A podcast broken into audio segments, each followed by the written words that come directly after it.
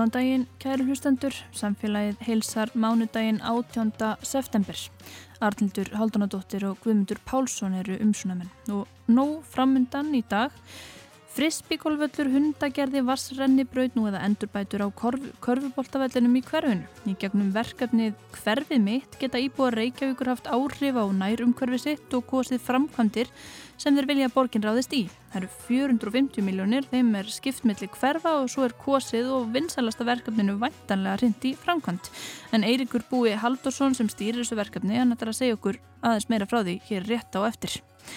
Undan þá lif eru miklu algengari hér en annar staðar á Norðurlöndunum og ekki vegna livja skort sem þetta er fjallað í nýjasta tímariti Læknablaðsins. Anna Bryndís Blöndal livjafræðingur kemur og segir okkur frá þessu. Og svo lítum við nokkra kassa á þjóðskjálasafninu með hansir hreinsinni skjálaverði. Kassarnir eru á þessu sinni úr enga skjálasafni Tryggva Gunnarssonar fyrir um alþingismanns bónda og bankastjóra og það er ímislegt sem að kemur upp úr grafsinu meðal annars pípureikjandi apar og 19. aldar drama bestu gerð.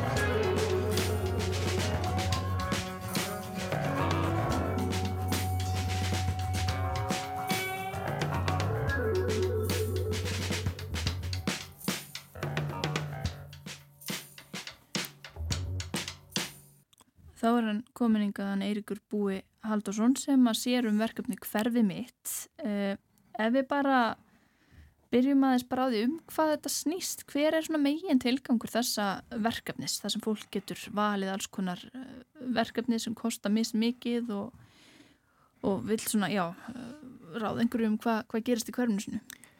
Megin indegi er náttúrulega svona samráð íbúa á stjórnsýslu borgarinnar og þetta verkefni er orðið tíu ára gamalt. Þetta hófgöngu sína 2012 og er þetta í tíundarskipti sem við framkomum verkefni þó að, þó að, þó að verkefni sjálft hafi tekið breytingum yfir árin þá er, er grunn hugmyndir svo sama. Við byrjum á því að kalla eftir hugmyndum frá borgarbúum og, og síðan uh, eftir að við kallum, frá, kallum eftir hugmyndum þá fylltur við að síum í gegnum þessar hugmyndir Hver er það sem að gera það? Er það, þá... það er þá verkefnum stjórn sem að samansettur af meðlans mér og, og sérfræðingum hjá umhverfs og skiplagsviði við leitum uh, til þeirra um, sem vinni hverju málflokk sem verkefnin tilhera til að mynda samgöngudeild, uh, deild og opina svæða uh, ITR sem er með sundlögunar og þess áttar hann við leitum áleit svo sjáum hvort að verkefni séu framkvæmaleg, hvort þau kostu mikið, hvort þau fallega skilir um verkefni sinns, hvort að, já það er svona nokkur skilir sem hættir að lesa en við, við reynum auðvitað líka eftir besta magni að aðlaga hugmyndir svo það er fallið aðreglum verkefni sinns, við okkur finnst ekki gaman að hafna hugmyndum, þannig að við kannski frekar finnum eitthvað milliveg með hugmynd og hugmyndum oft. Það við þá bara samband og herðu þetta er kannski ekki alveg framkvæmlegt eins og þetta er núna en ef þú breytir hérna þessu og þessu þá getur við gert þetta? Algjörlega, það, það sem við vinnum, vinnum oft með og, og svona sjáum kannski ef hugmyndið er kannski allt og stórtæk og dýr þá kannski finnum við eitthvað hvað er raunhæft og hvað, hvað er innan fjármagskverfisinn sem við getum framkvæmt. En við leitum eftir samráði bara mjög snemma í ferlinu. Og svo uh, er sérstaklega kostning þegar það er búið að velja það er 25 hugmyndir fyrir hvert hverfi og 10 hverfi í borginni Og er það þá bara vinsælasta hugmyndin, þetta er bara vinsældar kostning í raunni? Já, í, í raun. Hverju hverfi er útluta fjármagni þar sem að er þessar 450 miljonir dreifast að hluta til jamt á milli hverfa og síðan uh, hluta til eftir íbúa fjölda. Þannig tryggjum að hvert hverfi fá í raun uh, svona grunn upphæð og, síðan auka upphæð í samar með fjöldan og uh, þetta er í raun sko vinsælustu hugmyndinar.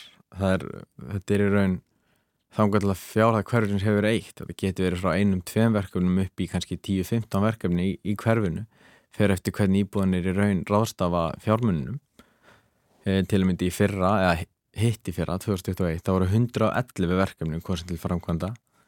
E, og e, ég bara kemur algjörlega í ljós núna í lókostningu hvort að verði eitthvað svipu tala herri að læri, það fyrir bara eftir hvernig, hvernig íbúinni kjósa Já, og er þá byrjað á að hrinda því verkefni í framkvæmd sem að fekk flest stygg? Það fyrir allt, alla framkvæmdi færður en bara framsamlega, það er bara öll verkefni sem eru kosin, eru, eru framkvæmd. Og það er engin fórgangsröðun, það er bara reynd að fara á stað með þetta allt um leið, það er þá hönnunna og, og samræði við bæði hugmyndahöfunda, íbúara og nærsamfélagið. Og síðan fyrir við bara útbóð í, í heilsinni með, með þessi verkefni sum verkefni eru tímafregari og taka þessi lengri tíma í undirbúningi. Önnur eru raun kannski auðleysanleiri og fara þá, geta þá fara á stað fyrir framkvæmt en við reynum að framkoma allt innan hérna, við reynum að framkoma allt næsta sumar. Sumt getur dreift fram á haust eða, eða vor. Já, og við skoðum bara því það er eftir að fara bara inn á uh, síðu verkefni sinns og skoða hérna hvað er í bóði, hvað er hægt að kjósa um hverju hverfi. Og hér er bara gravarvórin og það er til dæmis verið að uh, það er að kjósa það að fá ostin aftur á skóla og rímaskóla uh, það er vantalega einhvern leiktæki þar, örug hjólastæði í gravarvógi uh, endurbættar gönguleiðir byggja utanum rennibrautastegan í sundi. Þannig að þetta eru alls konar hugmyndir, hundasvæði, vasspóstar, eitthvað sem maður sér víða og blessaðir æslabelginir. Er einhver svona, einhverja stefnur og ströymar ráðandi núna, eitthvað sem allir vilja í sitt hverfi í dag?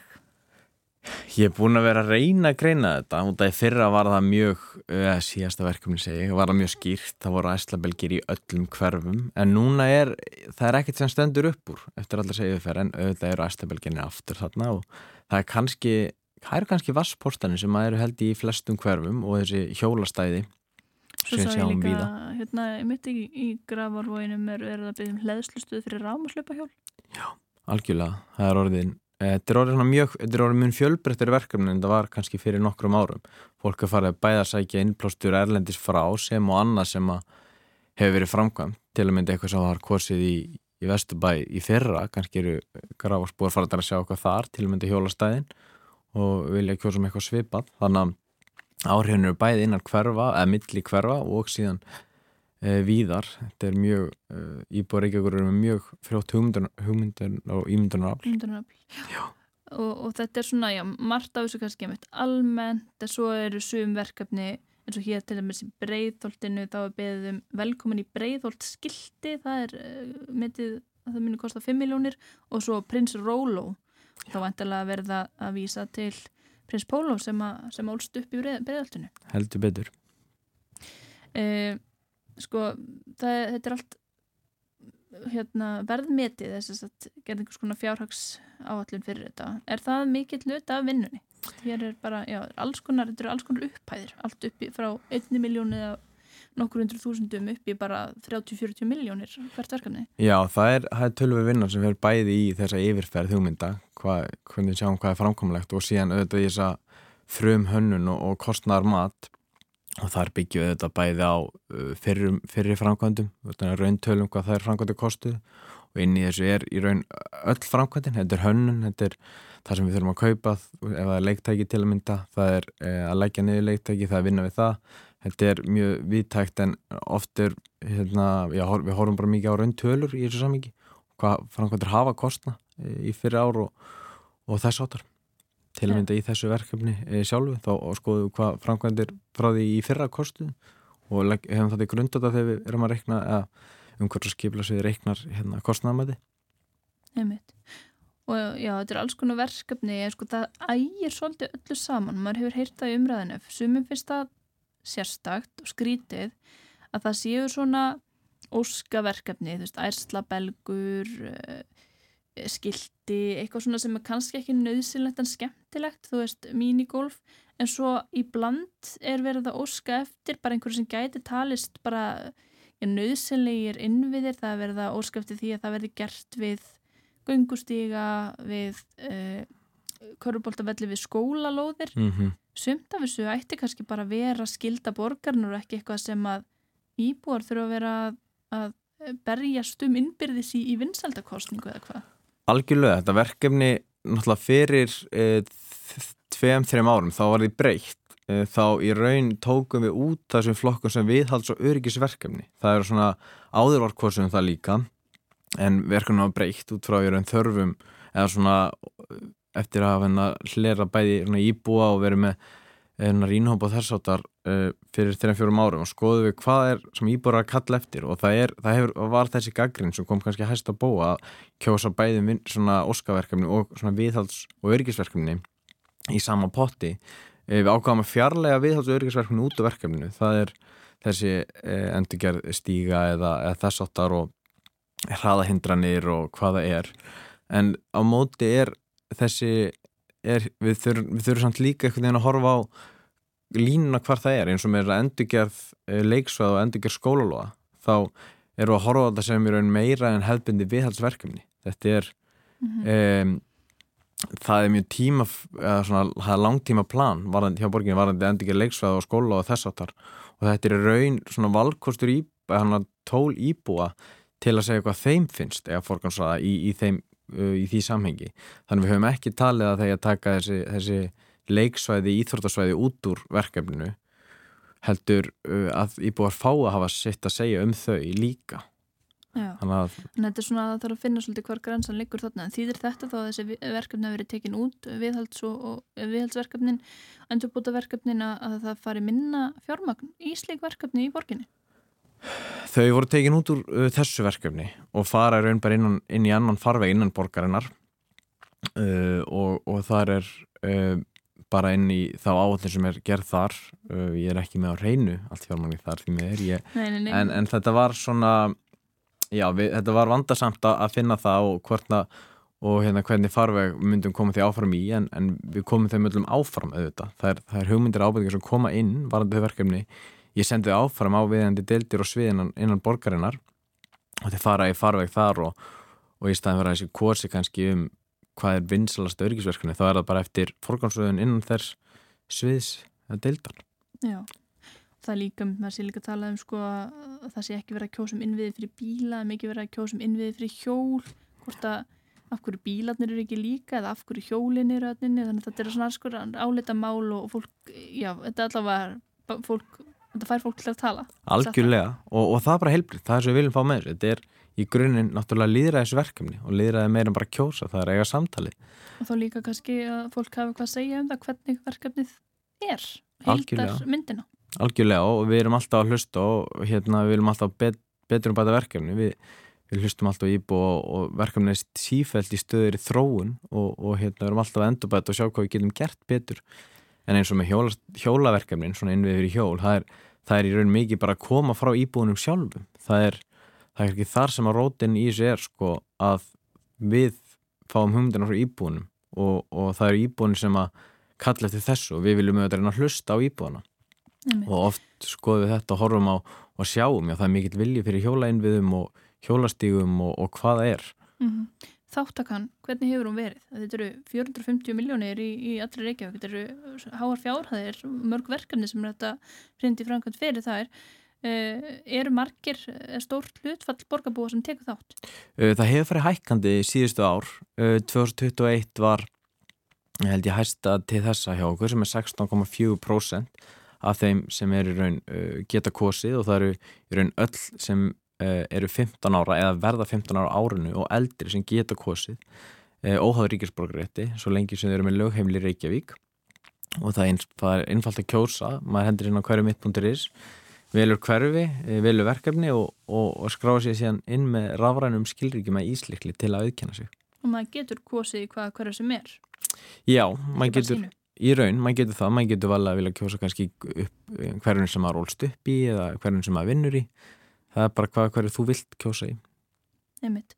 og kostningunni henni líkur ekki fyrir einhvað 28. september Já, miðnætti 28. september þetta síðustu atkvæðinin Já, bara við maður gera fyrir fólk að skoða þetta e, Þakkaði kella fyrir spjallið Eirikur Búi Kærar, þakkir fyrir mig Stundum slá lífið tón svo að í eirum sker Stundum falla fræ sem vild ekkert verða tref Stundum leik Liggja litli menn grátt eins og broti glem Í hústakki um november, november Ég geng okkar vel fyrir okkur tvo Ástin er ómælanleg fyrir okkur tvo, okkur tvo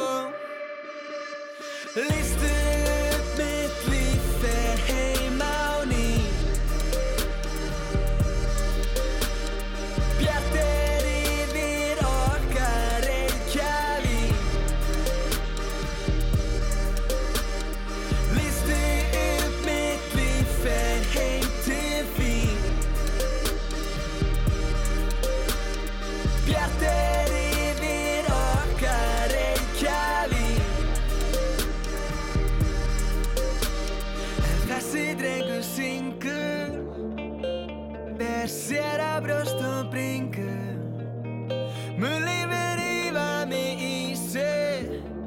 Verður lífið nokkuð tíman í sín Er ekkert slæð þér við Ekkert kemur þar. Ekkert fyllir mitt Sára hjarta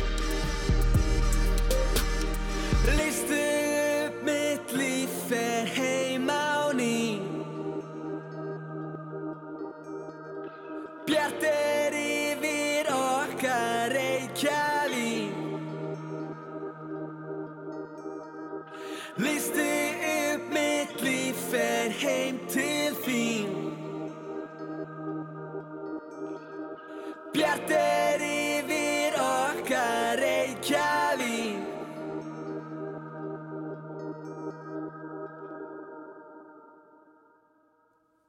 Já, þetta var hann Logi Petro og lagið Reykjavík. En hún er komin hingað, hún Anna Bryndís Blöndal, livjafræðingur hjá heilsugjastlu höfuborgarsvæðisins og þróunamistuð heilsugjastlunar og við ætlum að spjalla þessu um undan þáu liv. Velkomin Anna Bryndís. Já, takk fyrir það. Það byrtist hérna í lagnarblæðinu grein um, um undan þáu liv og kemur í ljós að nótkunn þeirra er töluvert mikil hérna á Íslandi og, og langt umfram það sem að gengur á í, í, í nákvæmlega okkar. Já, það er rétt og held kannski að helsta ástæðan fyrir því að við erum með mun færri sko vörunumir skráð hér á landi. Við erum til dæmis í þessari greina að bera okkur saman við Svíþjóð þar sem að þau eru með tæp 15.000 vörumerki skráð meðan við erum með 3.500 sem gerir það að verkum kannski að, að, að ef að annarkvort lifir ekki til eða eitthvað slíkt þá þurfum við í rauninni að leita í þetta undan þá að lifja kerfi okkar. Meðan að kannski á Norðurlöndunum og í Svíþjóð eins og við erum með þarna þá hafa kannski svona fleiri valmöguleika. Hvað þýðir það að við þurfum að leita svona miklu oftar í það?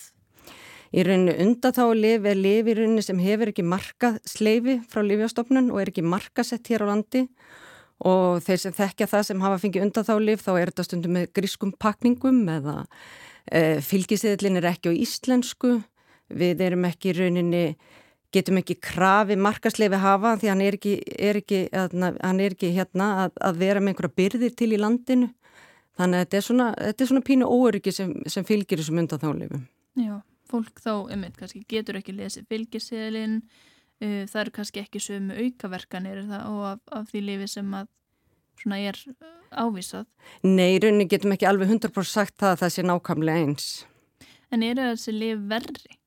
Nei, alls ekki. Þetta eru lif sem hafa markaslefi innan ES, EES oftast og, og, og eru alls ekkit verri eða neitt slíkt. Það eru rauninni bara þessi takmarkun á þessum íslenskum upplýsingum sem er bara mjög mikilvægt fyrir skjólstæðinga að geta lesið sér í gegnum og, og eins þá höfum við ekki svona kannski yfir sín yfir byrðarhald í landinu og getum ekki áalla það hvað er mikið til að undan þá lifinu. Og það er sko, ef fólk byrjar að taka eitthvað undan þá lif þá er kannski best að það haldið áfram á því eða? Í rauninni ekki að því um leið og það kemur skráðu lif til landsins þá er það vali umfram undan þá lifið. Þá samþykir í rauninni lifjastofnun ekki undan þá lifsiðilinn hún rauninni samþykir hann að því það er ekki til sambarlegt lifa landinu eða uh, sambarlegt liv, livjaform, stundum er lifið til en ekki eins livjaformu sem að sjúklingu þarf og eða ef um livjaskort er að ræða þá samþykir hún það en ef það er til skráðu lif á Íslas, Íslandi sem er með markasleifi og íslenskan fylgiseðl og allt sem ég var að tellja upp á þann þá í rauninni samþykir lifastofnun ekki undan þána. Mm -hmm. Er, eru undan þá lefin oft ódýrari? Því stundum hefur maður heyrt sko að, að, að þau geta oft verið ódýrari og ég vel bara hægt að byggja um þau í staðin fyrir lifi sem maður fær ávisa. Nei, það er ekki hægt að byggja um það í staðin fyrir lifi sem er ávisa nema bara að, að eins og segi, læknin hafi skrifa mm. undan þá lífsseðilinn og kannski komið með rauk fyrir því af hverju viðkomandi að fá undan þá lífsseðilinn en ekki í rauninni skráða lifið. Um, heilt yfir myndi ég segja að undan þá lifin væru herra verðlögð en en skráðulifin. Um, ástæða fyrir því getur í rauninni verið fluttningskostnaður, það er kannski verið að senda hérna einhverja hundra pakka til landsis að því eitthvað lifir í skorti og það er þá svona heilt yfir fluttningskostnaðurinn herri en ef, ef, ef, ef það verið að vera að senda þúsund pakka eða eitthvað slíkt. Þannig að það er kannski ekki alveg, uh, það getur náttúrulega verið allur gangur á því en svona heilt yfir þá myndi ég segja, myndi ég halda að þið væru herri. Uh, það kemur hérna fram sko að það hafi verið samþyktar undan þá lifja umsóknir þar voru 49.000 talsins árið 2020 og 46.500 2021 og svo er hérna einhverstað minnst á hvert, eh, hver fjöldin er í Svíþjóð, miklu miklu fleiri sem búið í Svíþjóð heldur en á Íslandi. Og það voru færri ef ég mann rétt Já. í Svíþjóð. Já. þannig að það þýðir bara að þetta er greinilega mjög, mikil lenska hér að nota þetta Já og eins og ég sagði kannski bara upp af við viðtalsins þá er þetta út af því að við höfum svo fá vöru númer skráð hér á landi þannig að uh, læknar þurfa svo ofta leiti undan þó livsæla kerfið uh, þegar liv fæst ekki hér á landi meðan að kannski svíð og þá geta þau meira skoðað önnu sambarili liv og notað eitthvað í staðin. Þannig ég held að það sé svona helsta ástæðan fyrir því að, að það séu miklu færri í svíðþjóð en, en hér á landi væri það hagsmunamál þá að fá fleiri tegundir livja á markað hér? Algjörlega, því við bara sjáum það í allri hérna, umræðinum að ég háti lifin og, og það þá hérna, verður skortur og þá verður bara skortur á öllum styrkleikum og ef að það eru fleiri sametalifina hér á landi þá er hægt ofta að grýpa í þau og önnur sambarileg lif sem að, hérna, er ofta ekki hægt hér á landi þannig að og það er náttúrulega þessar upplýsingar til skjólstæðinga sem við viljum náttúrulega að einstaklinga lesi fylgisiðlinn og, og, og, og pakningarna sé á íslensku, það er náttúrulega mjög mikilvægt fyrir okkur. Já, bara upp á að einmitt skapa traust og svona einmitt gangsægi, að maður sé ekki að taka eitthvað svona að því gefna að maður kunni ekki grísku Já, einmitt. Svona ákveðin óþægindi Það er ákveðin óþægindi sem fylgja þessu. Já, maður vil geta þó að kannski því miður lesi ekki allir lífsæðilinn smáleitri, þá vil maður samt að kosta á því sko. Já, einmitt. En uh, aðal, sko ég held til dæmis að, að það væri yfirleitt bara verið að ávisa þessum livjum vegna þess að það væri skortur. Það kemur hérna fram sko livjaskortur er bara ástæðan hérna í mjög uh, 8,8% tilvika 2020, 7,6% 2021 þannig að það er kannski ekkit eins mikið um livjaskort og maður held á, á landinu Nei, ég held að sínu kannski getur verið núna bara í kjölfar COVID, þessi rannsóknir gerðarna 2020 og 2021 og svo í kjölfar núna hefur kannski verið meiri livjaskortur En þetta var í rauninni ástæðan fyrir því við fórum í þessar rannsók var einmitt þessi tilfinning sem fólk hafði að það væri svo mikið livjáskortur og við værim að nota svo mikið undan þá því að það væri svo mikið livjáskortur og það var í rauninni kom okkur svona, já, kom okkur svona svolítið óvart að uh, livjáskorturinn var svona lítið hluti af heildar áhersunum. Já, heldur þetta sé mikið öðruvísi í dag, sko, þegar þú talar um COVID áhrif á þessum árum sem þið eruð að rannsaka heldur að það hefur mikið breyst? Kanski hefur talan hækka aðeins en ég held samt að mörg eins og þessi, þessi rannsók kemur inn á það eru mörg af þessu livjum sem hanga í undan þá kerfinu ár eftir ár eftir ár og þá er í rauninni ekkert sambarið þetta liv skráð á Íslandi og það er í rauninni megin ástæðin fyrir því. Þá vantar okkur bara annarkort efur lifi verið til áður og svo er bara hægt að, er, er, sagt, er það bara hægt að verða til hérna á Íslandi í rauninni og eh, eða það okkur bara vantar þetta liv þannig að það vilist vera helsta ástæðan fyrir því að, að, að þessi, þessi undanþáðu livstælar eru svona margir. Skiljið þá sko rétt að það er einhvern kerfi undanþáðu lifin rata á inn í það, einhvern listi og, og getur þá verið að sko það komi veg fyrir að, að liv sem eru með uh, leifi hér komi aftur? Riðja þau þeim brott einhvern veginn? Nei, rauninni ekki. Stundum er þau bara fælt út úr livjaverðskrá.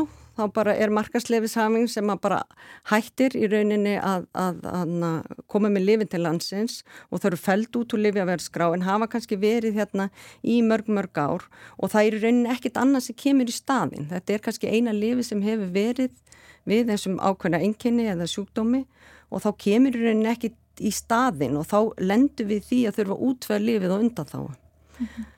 Og svo getur það líka bara verið þannig að við höfum bara aldrei áttlifið uh, hér á landi skráð.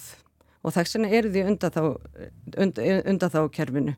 Og þess vegna sjáum við í þessari rannsóknir rauninni að, að, að, að fimm efstu lifin í rauninni eru að Það hefur ávist þessu fimm efstu livjum mjög oft í undanþáu kerfinu.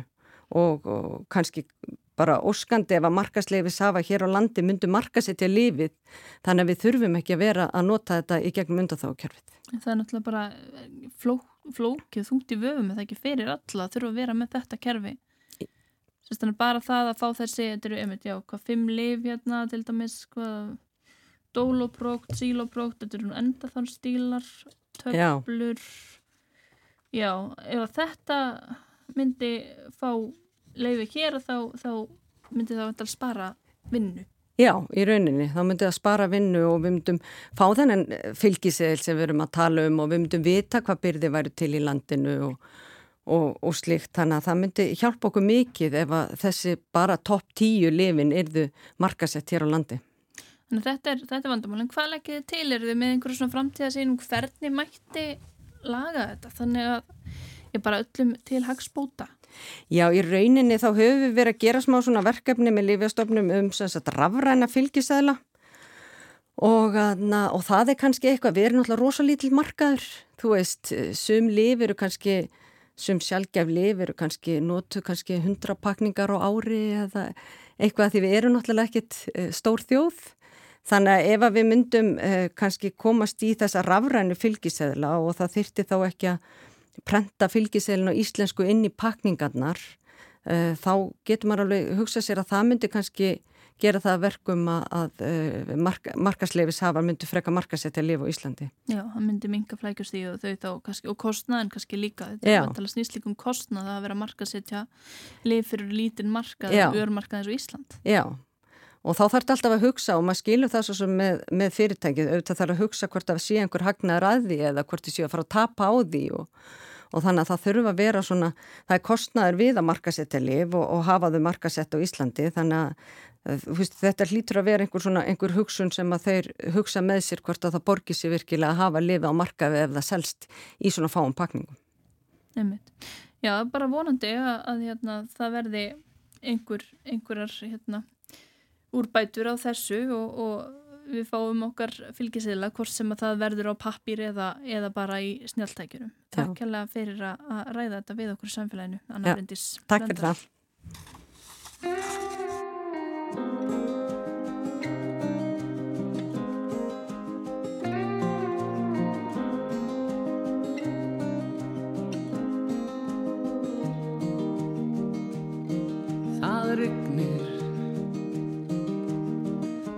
að róta í moldinni eins og oft Ég gæst út um gættina á þig og ég fæ mér fyrst loft. Öslöfin rauðu falla á drjánum þar sem glæsileg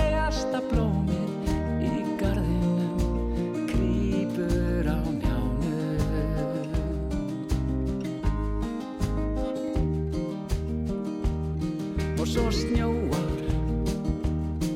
Yfir sporin þín þar sem laugarnir sofa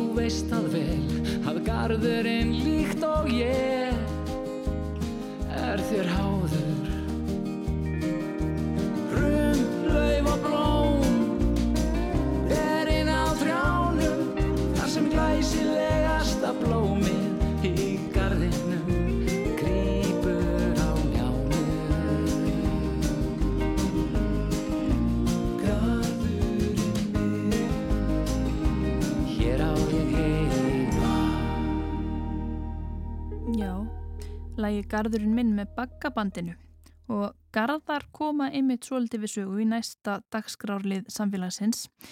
Við ætlum næst að kafa ofin í kassa á þjóðskjálasafninu.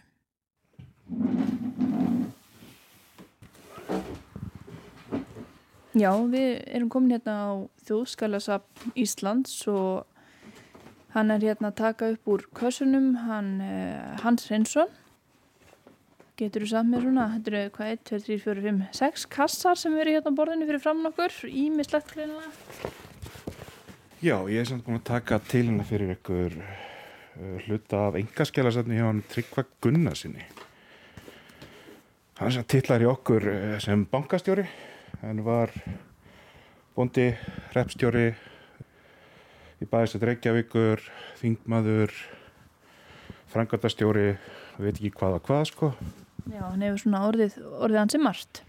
Hann var þannig margt og hann var svona svolítið ábyrrandi í þjóðlífunni kannski í uh, lók 19. aldar og byrjun þeirra 20. og safnið hans ber þess alveg er mjög merkilegt safn. Og engasafn, er það þá eitthvað sem að eh, já, hans fólk hefur skilað inn til safnsins eftir hans dag eða hvernig, hvernig virkar þetta? Já, einhvern veginn uh, svoleiðis er það yfirleitt sko. það er ekki alveg hann skilaði þetta ekki sjálfur inn en það fór upprunalega til uh, fór inn á þjóðminjasafn þaðan yfir í Sælabankan en hann kom til okkar Af hverju veit ég rauninni bara ekki en þetta er allavega komið á gott heimili núna þessi skjöl. Já, mjög merkilegt samt bara, allir leiti. Hvað svona, finnst þér merkilegast við það? Já, það er kannski bæði bara fjölbreyti leikin, hann var í svo mörgum verkefnum. Hann var að byggja kirkjur og brýr og hann var í reyðröldum við embatismann, mjög ykkur smikið brefasapn hérna.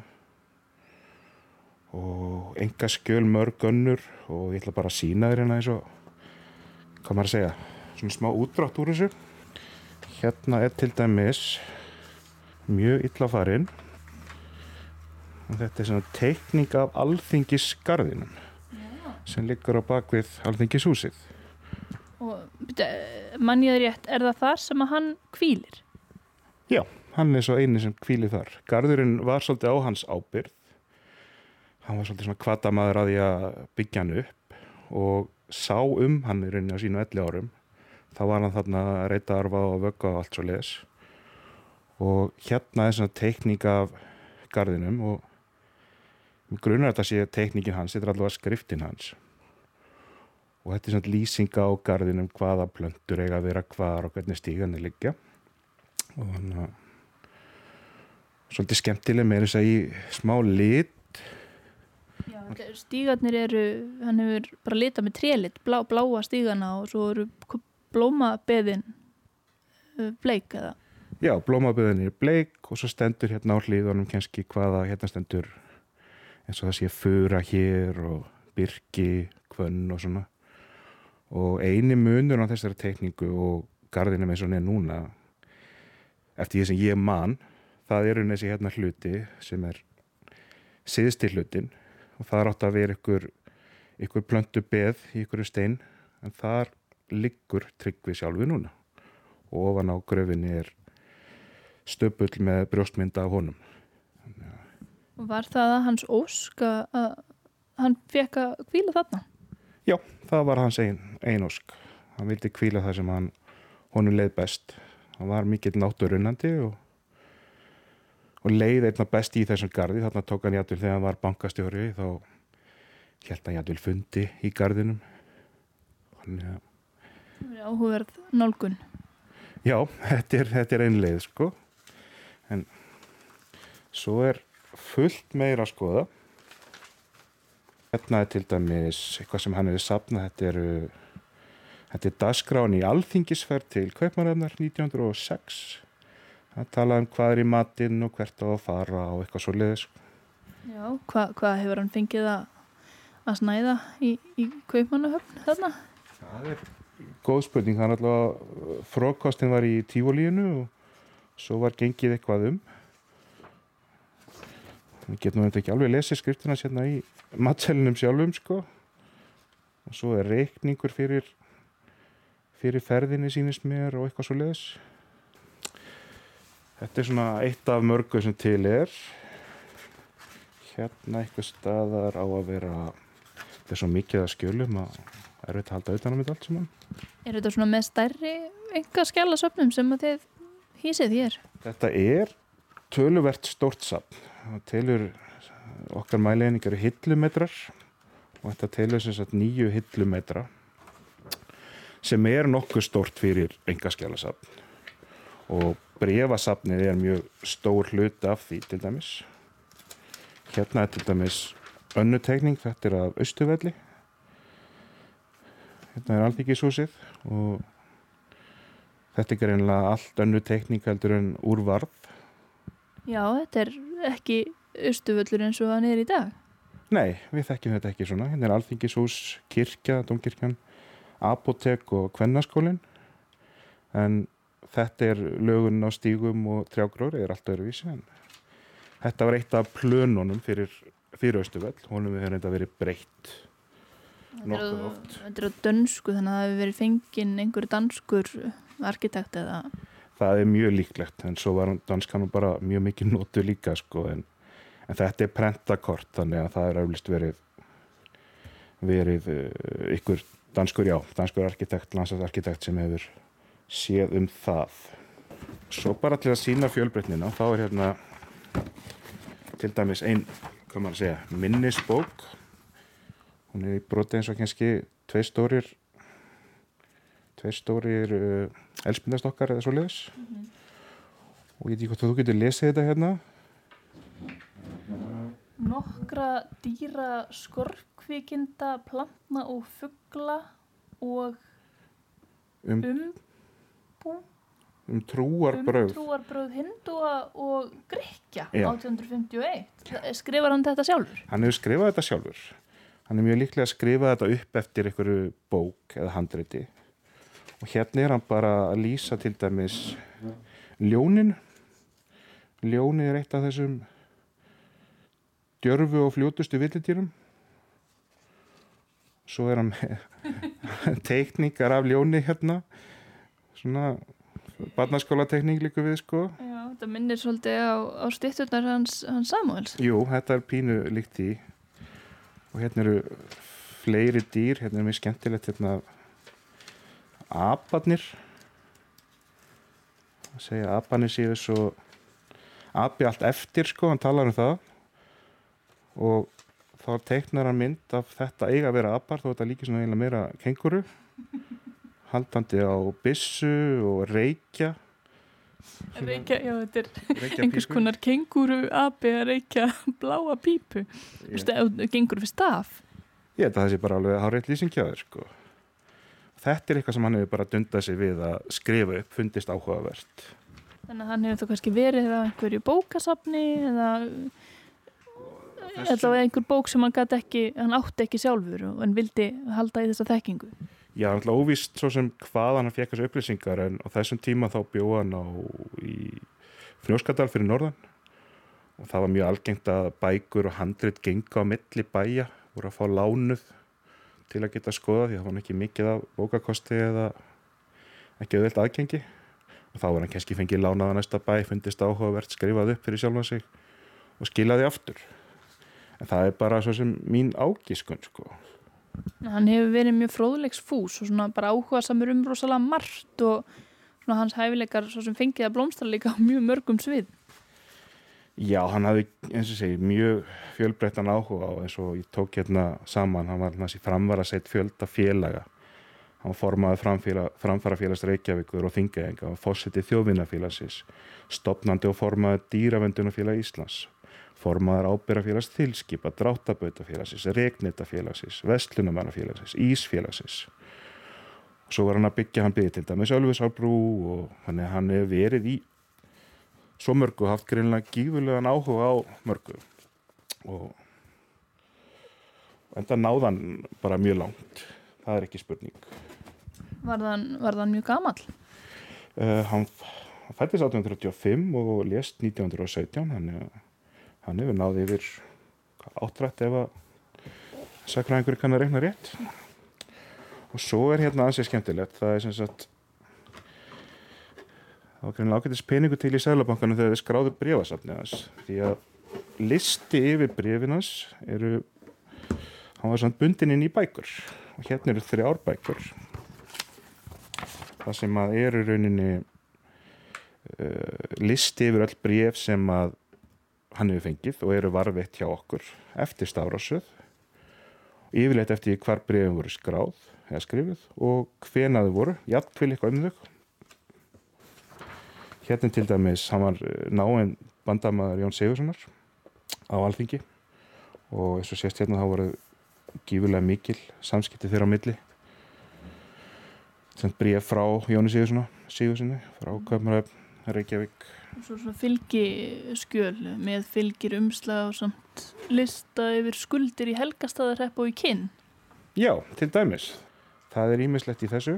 Og svo eru brefin geimt já annar staðar hér. já. hérna, já, hérna er það mjög þægilegt ef þú ert að leita að einhverjum brefum að fletta þessum bókum þá sérðu bara hvaða brefi eru til hvena þau voru skrifuð og hvar þau voru skrifuð og jafnvel upplýsingar um brefritara eins og hérna Katrin Einarsdóttir 1840-1940 14 segi titlu sem húsfrú og svo kemur texti eiginkona Benedikt Sveinssonar yfirdómara, alþingismanns og síslimanns, móðis Einars Benediktssonar skálds heimild fyrir því. Og svo er að listu upp tvö bref skrifið á Akureyri 83, 1883 og 1884 Náttúrulega algjörlega skilgrind út frá já, eiginmanni sínum og sinni eins og kannski týðkaðist þarna. Það er alveg afskaplega mikið sem ber að því að það er alltaf maðurinn er nefndur sem bóndi eða alþykismadur og svo er það alltaf eiginkona eða húsfrú. Er, þannig var þetta því miður. Og svo er hérna ykkur staðar það er svo mikið hérna. Hann hefur verið rosalega afkasta mikill mann finnst það að maður svona fyrir að hugsa sko getur fólk í dag verið svona afkasta mikið eða eru, eru samfélagsmiðlarnir og, og allt aðtið í nútímanum að koma í veg fyrir það? Það má alveg spyrja sig sko. Hann náttúrulega hafi ofta tíminn fólki í kringu sig þetta er við, hann hefði verið dugnaða maður, það er nokkuð ljóst og hann var líka dugandi búndi en endar var á legu jörð en hann var ágætið spú og gekk vel og ég er náttúrulega bara búin að tellja upp lítinn hluta því sem hann unni var eða gerði sko. En svona hans pólitíki, hvaða flokki var hann og, kom hann einhverju ákveðinu til leiðir, svona hvað líkur eftir hann á stjórnmálasviðinu? Sko hann var hann var kannski eh, svolítið mikil fylgjandi Jón Sigurssonar í flestum málum og var mikið eh, að vinna fyrir hans atvinnufrelsi og vestlunafrelsinu og allir því. Og enda var hann sjálfur mjög mikið í vestlun og lagði áherslu á það. Og, og var svolítið kannski kannski tölum ekki mikla flokka en hann var svona kannski leiðilegt að segja að hann meiri frelsi sinni heldur um margi, hann var ekki mikil konungsinni til dæmis sko. Hérna til dæmis listi við bref frá Kristjánu Hafstein sem að var sem þetta sýstir hans sér, mjög mikil fjöldi af brefum skrifið í Laugalandi, Reykjavík og Suðu Fraklandi og Stikisólmi og eitthvað svona, við skulum kannski bara kíkja á nokkur bref líka. Já, end, endilega. Kíkjum í, í eitt kassi viðbútt Já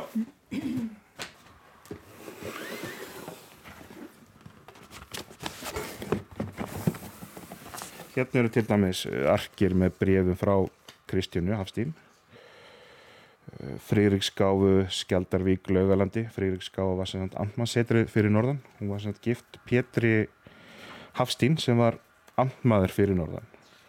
Og mikill fjandmaður í rauninni uh, tryggva. Já, áhugavert. Og ég ætla ekki að sé sína það rétt á eftir ef við náum því sko en hérna er í þessum brefi, ég var kíkt á því aðeins áðan sko, þá er Kristjana rauninni að uh, afsaka það að Pétur hafi ekki styrt tryggva til auðvitaðnarsvarar sem var búin að lofunum og hún er alltaf að lofa að þrýsta á hann sko en svo byður hann líka að tala ekki mikið um veikindi Pétur sem Pétur átti sem sagt við geðramandamála stríða. Hann var drakk mikið og drakk ofan í geðveikina þannig að hann átti var svolítið erfiður í samskiptum og það til dæmis til fyrir norðanvarsgráð eitthvað sem kallast löðrungaljóð sem eru taldir upp einhverju menn fyrir norðan sem að Pétur Andmar átti að hafa lamið. Hann reyndi til þess að ráðast á Jón Sigursson á alþingisvesli hérna fyrir sunnan og mjög líklega þá lagði hann hendur á konuna sína líka Hún hefur verið virkið hrætt við hann eða? Já, ég held að það hafi verið það er unni flestir. Hann var mikill að vextri hann Pétur og, og náttúrulega langa aðsti valdsmaðurinn fyrir norðan. Og hérna til dæmis eh, hérna til dæmis dagbókar slitur frá Tryggva sem Tryggvi kemur úr Noregsfur og þar talar hann um að uh, þess skipið lág fyrir utan fyrir utan Hjalteri í Eifiri og sendi þá Pétur Andmaður reið þessinn til Hjaltirar og lést vilja finna mig, hefur ætlað að sleikja mig upp fyrir svikin. Fyrst leiða mig að þeirri braut sem ég hafi valið mér og svo svíkja mig. Þannig að þetta var ekki svolítið uppafið að þeirra deilum. Það var peninga, peningadeilur. Svo er hérna það sem mér finnst áhugaverðist í hluturinn í þessu safni.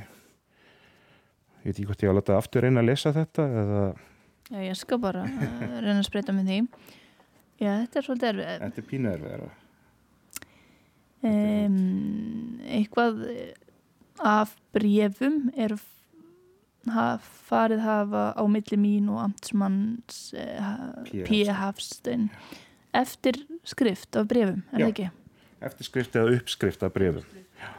Hérna hefur hann ekki bara haldið brefunum til, heldur henni brefabók þar sem hann er líka að skrá sín útsendu bref. Þannig að þetta er samskiptin sem Tryggvi sendir á Pétur og Pétur sendir á móti. Það er náttúrulega vantar svo oft er það ekki þegar það verður að skoða brefasöfnum þá vantar hinn helmingin. Það er það sko, það er, það er sjálf það sem að varveita söfnin báði megin og oft eru bref brend eða hend eða eitthvað viðkvæm sko. En Tryggvi hefur greinlega vita það að þessi brefaskipti hafa skipt miklu máli. Þannig að hann hefur ákveðið að halda þeim saman. Hérna til dæmis... Uh, hérna hefur verið þannig að Tryggvi var uh, fekk þau skilaboð send að sýstirnas Kristjana að ástandið á heimilin hafi verið haldið slæmt að hún var sem sagt uh, já, kemur henn ekki fram nánar hvernig, hvernig því var háttað en já, hérna er, hérna er svona, uh, svona dagbókaslitur frá Tryggva. Og hann semst heyrði af því að ástandið á heimilinu hjá sýstu sinni og Pétur Antmanni væri slæmt. Og hann hefur ákveð að fara af gáfu eins og hann talaði húsið, Freiriksgáfu að sækja Kristjánu. Og segir henni í dagbókinni í janúan 1868 uh, fór að gáfu fór svo aftur uh, tilbaka gist á hofi, fór svo daginn eftir að gáfu og allt í allt á fóran þrísvar að Antmansetturinu að reyna að fá Uh, Kristjánu með sér heim því hann ótaðist bara um hann á hans, hennar börn. Það sem andmæður var henni bara átti svolítið erfitt á þessum tíma og drikjan og allt það. Og svo hérna í þessum brefabók sem ég sagði frá áðan þá kemur svolítið áhugavert fram. Að þá er þetta hérna. Þú segir í brefi þínu að það frettir gleðji þig. Þetta er svona uh, Pétur Antmaður að skrifa. Þú segir í brefið þínu að það fréttir gleði þig að sýsti þín hafi nú betri kjör og daga en fyrir í vetur. Og þá þegar að fyrir í vetur er talað um þegar tryggvi kom. Enda hafi það þess verið fullkomið þörf ég þakka þér nú fyrir þetta kompliment eins og margt annað en ég get ekki ég get ekki tilenga mér uh, breytinguna ef svo er heldum að sýsti því þakka sér það sjálfri með nokkri breytingu á hugsunarhætti og atferðli sín. Já, þetta var allt henn að kenna ef hann var eitthvað að, að hérna, beita nóbeldi, sannlega. Já, hann hefur verið eitthvað að leggja hendur á hann og það er henn að þakka að hann sé hættir því. Já, þetta er svolítið, skil svolítið típist eh, fyrir mitt hátalag svona á óbeldismanna.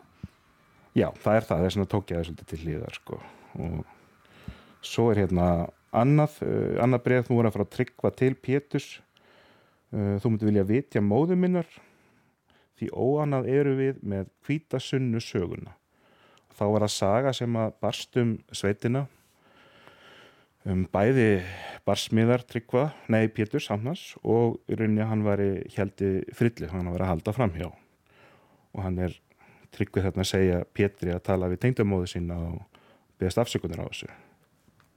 Það hefur ímislegt gengið á eh, og maður fær þarna einsinn í líf í rauninu miklu fleira fólks heldur en tryggva Gunnarssonars eins. Algjörlega, þetta er nefnilega frábær heimildur um bara það sem verður að gerast til dæmis á svæðinu því að það koma margir að þessu. Og svo eru varfitt breyfasöfn eh, fleiri einstaklinga frá svæðinu sem gefa kannski aðra mynd af þessu. Fyrir sagfræðinga er þetta alveg bara frábær heimild um hvernig hlutinni voru. Og svo er svolítið gaman að hérna þegar að Tryggvi er að skamma Pétur að svara maður sko að bref þetta kom að þrýriskáfu, ég sendi til baka aftur sem þýðir þið sama og að ég reki illgjarnan og fláraðan dóna á dyr. Einmitt, það hefur verið svona svolítið drama greinilega. Já, það er einmitt þessi brefasamskipti er einmitt bara frábært dæmi um 19. aldar drama.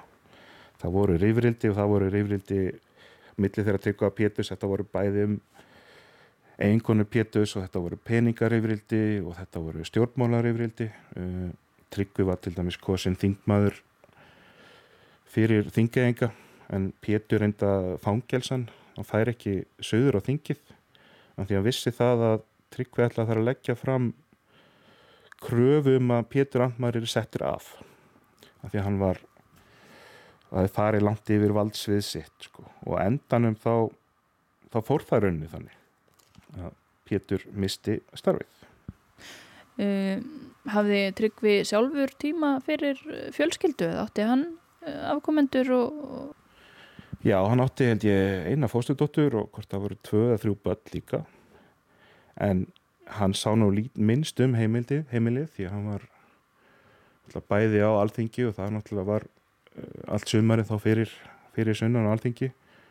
Og svo þegar hann var uh, svo fórstuðum að fyrir gránufélagið og fleira þá var hann mikið í kaupmanöfn þannig að hann var náttúrulega mikið til staða líklega sko en einmitt þeim mun meira að sinna alls konar öðrum verkefnum bara áhugavert að kynast þessu manni og fólkin í kringum hann betur. Takk fyrir að, sína mér þetta allt saman Hans Reynsson Já, bara takk sem ég leiðis fyrir komuna og bara benda á þetta sapn fyrir sakfræðing og áhuga fólk. Þetta er bara mjög áhugavert ímislegt að skoða. Já, örgulegt að gleyma sér marga klukkutími með þessu. Ekki spurning, ég geti setið hérna með þér í fleiri daga líklega og skoða ímislegt en þetta er allavega nógu bílið þetta ég. Já, þá ætlum við að slá botnin í samfélagið í dag. Verðum hérna aftur á morgun. Þakk ykkur fyrir samfélgina.